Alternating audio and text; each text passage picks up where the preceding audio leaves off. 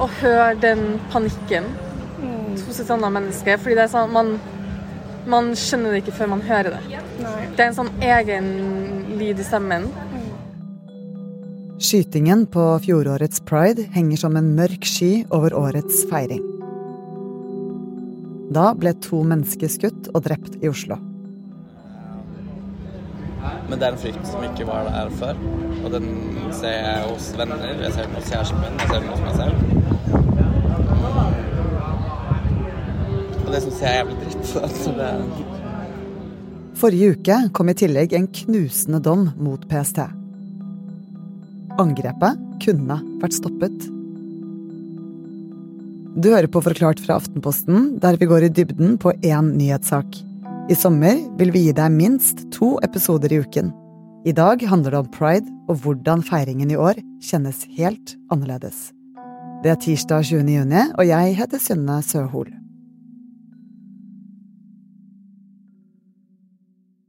Mange skeive forteller at de i år kjenner på blandede følelser. Jakob Sem Osmundsen, du er journalist her i Aftenposten, og den siste tiden så har du møtt og snakket med folk som feirer pride. Hva slags følelser er det de sitter med nå? På den ene siden er det mange som føler at det er viktigere enn noen gang å feire og markere pride. Samtidig så sitter mange med en frykt og en sorg over den motstanden den skeive bevegelsen har møtt den siste tiden. En av dem jeg møtte, var Benedicte Salvesen. Hun er 27 år, fra Trondheim, og jobber som lærer i Oslo. Og hun vil aldri glemme 25. juni 2022.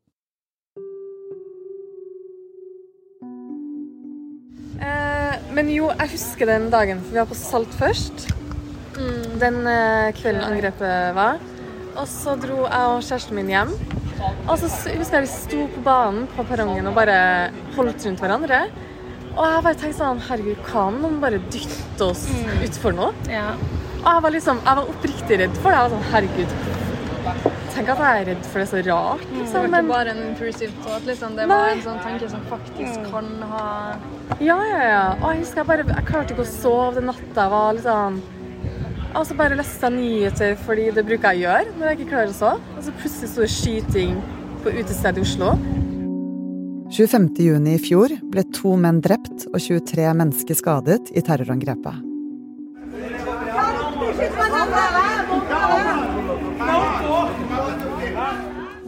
Sanyar Matapour er siktet for drap, drapsforsøk og terrorhandlinger.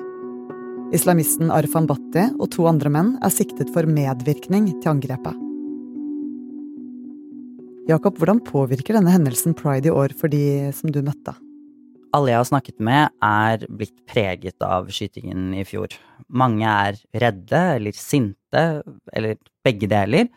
Og de fleste sier de fortsatt skal feire og gå i paraden, men at det vil bli annerledes i år. Jeg tror ikke jeg kommer til å bli redd før jeg går i paraden. Når du sa det nå, liksom, så skjønte jeg sånn.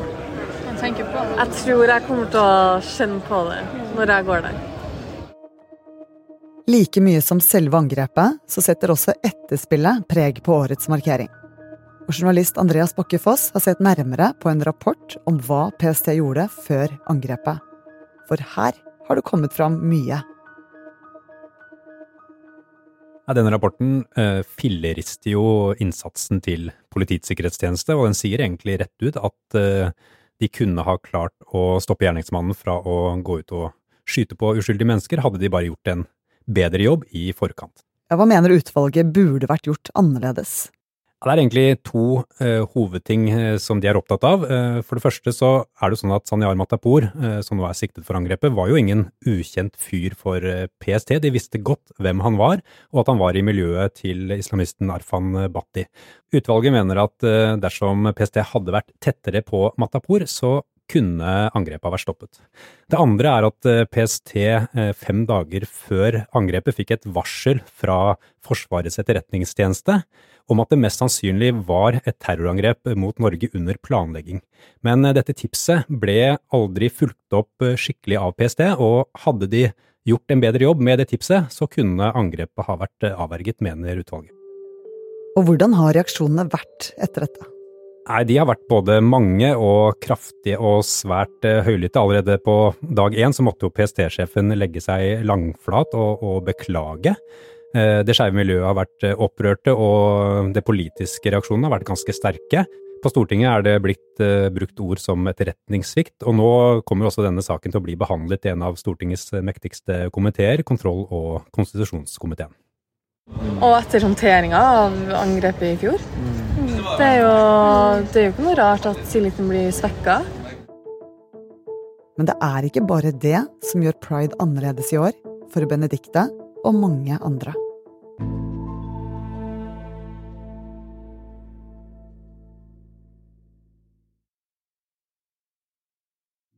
Det siste tiåret har pride-markeringen i Norge vokst seg større og større. Flere deltar og flagger, og pride arrangeres flere steder i landet. For noen år siden hadde vi jo noen ganske opphedede debatter om homofilt ekteskap. Men da det ble innført, først borgerlig i 2009 og så i kirken i 2017, virket det som, i hvert fall for meg, at pride i noen år var litt mindre kontroversielt. Men så skjedde det noe for et par år siden som gjorde det mer polarisert igjen. Og denne utviklingen var opprinnelig bare en magefølelse, men så begynte jeg å snakke med andre som hadde kjent på det samme. Jeg føler det er noe som holder på å skje i samfunnet. Jeg føler det var en sånn luke for noen år siden der det var mer åpenhet, men nå, som du sa, det er så polarisert. Det virker som om folk har motstand mot eh, mangfold og motstand mot at man liksom kjemper for rettigheter til folk. Man syns at det er for mye. Man eh, syns at folk blir for krenka. Mm. Eh, så jeg lurer på hvordan skal vi liksom klare å snakke med dem på en sånn måte at de ikke liksom bare får enda mer motstand. På den ene siden så har negative holdninger mot skeive sunket de siste årene her i Norge. Ifølge en undersøkelse fra Bufdir så har nordmenn større aksept for hverandre nå enn før. Men på den andre siden så har vi sett en del mediesaker i det siste. Saker om flaggbrenning, om Redd Barna som først avlyste, men så flyttet et pride-arrangement for barn, om politiet i Østerrike som stoppet et planlagt terrorangrep mot pride, og trusler mot pride i Bergen. I tillegg er det én spesiell debatt som får mye oppmerksomhet, og som blir mer og mer polarisert. Det er særlig kjønnsdebatten som har gjort pride mer polarisert igjen. Eh, dette engasjerer fordi det for mange handler om noe helt grunnleggende. Altså, kjønn strukturerer jo mye av samfunnet og hvordan vi lever livet vårt.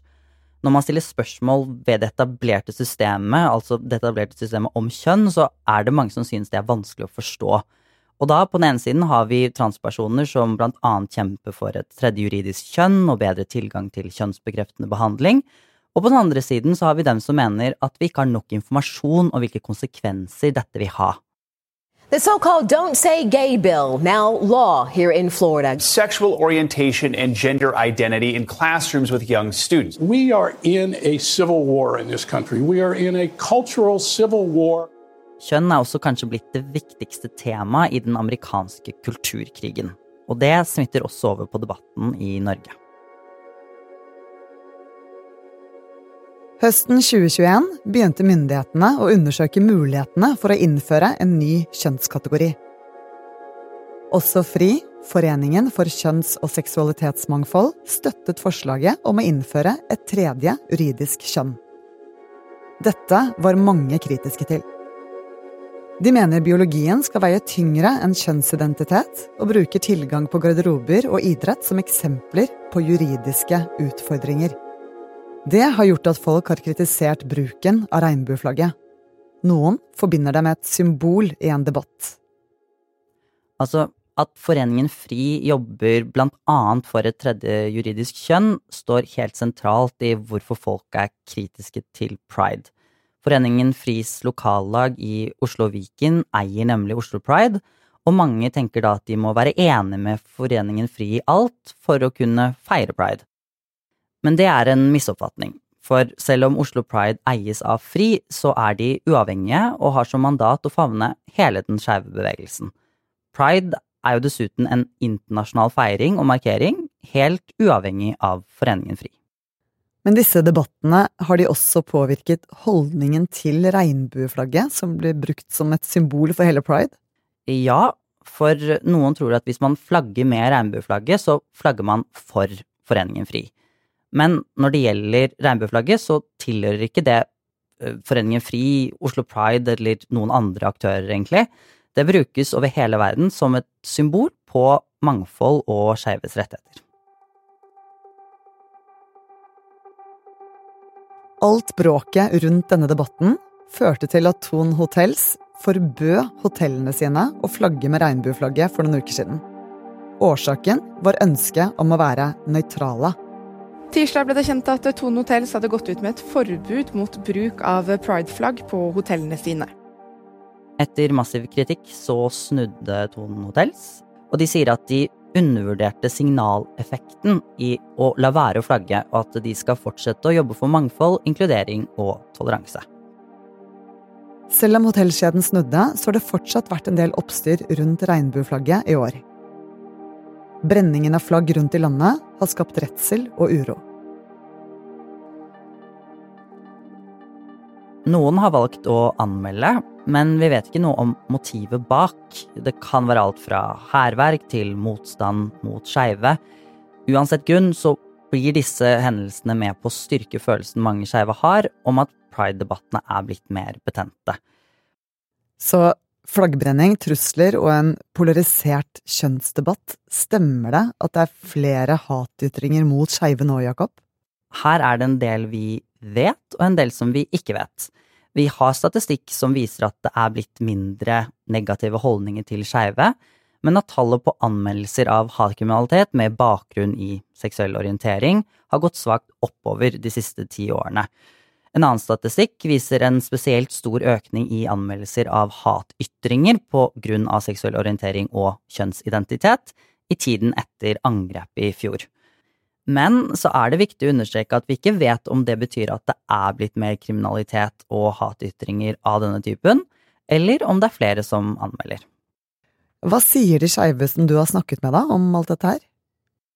Mange av dem sier at de blir utmattet av hele tiden å lese om brente regnbueflagg og Redd Barna som må flytte et pride-arrangement for barn av trusler, og kommentarfeltene er aldri hyggelig lesning, understreker de. Og så sier de at uansett om det ikke omhandler deg som person, så kan det ofte kjennes som en personlig sak. Jeg kan liksom, Hvis jeg sitter alene hjemme og så bare tenker Oi, så mange i verden som hater meg. Og en del av meg som jeg overhodet ikke kan gjøre noe med.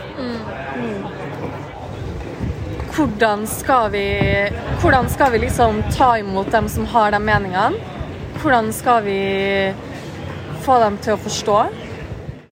Ja, hva gjør dette her med feiringen deres? Selv om mange blir slitne, blir flere av dem også mer motiverte til å markere og feire. Så vi skal ikke se bort ifra at vi får en enda mer folkerik og enda mer høylytt pride i år.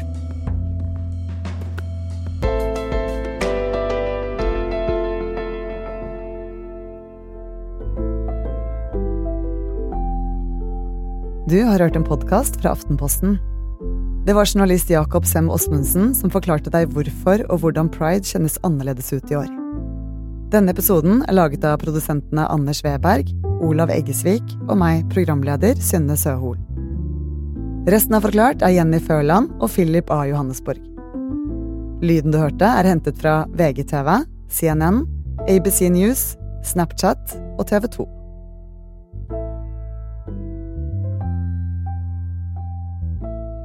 Angrepet 25.6 i fjor kunne ha vært eh, avverget. Og til slutt så vil dette trolig påvirke krigen, og da særlig Ukrainas planer. Den norske kronen den ligger nå på intravenøs behandling. Den er ekstremt svekket. Den har det fælt, rett og slett. Hver dag forklarer vi én nyhetssak for deg, så du slipper å lese gjennom alle nettavisene selv. Og det skal vi også gjøre i hele sommer. Mens andre har ferie, så fortsetter Forklart med to episoder i uken gjennom hele sommeren. Og det gjør vi fra 19. juni og ut juli. Alle episodene er fortsatt helt gratis, Og følg oss gjerne i Spotify eller der du hører på podkast, så får du alltid vite når en ny episode er ute. God sommer!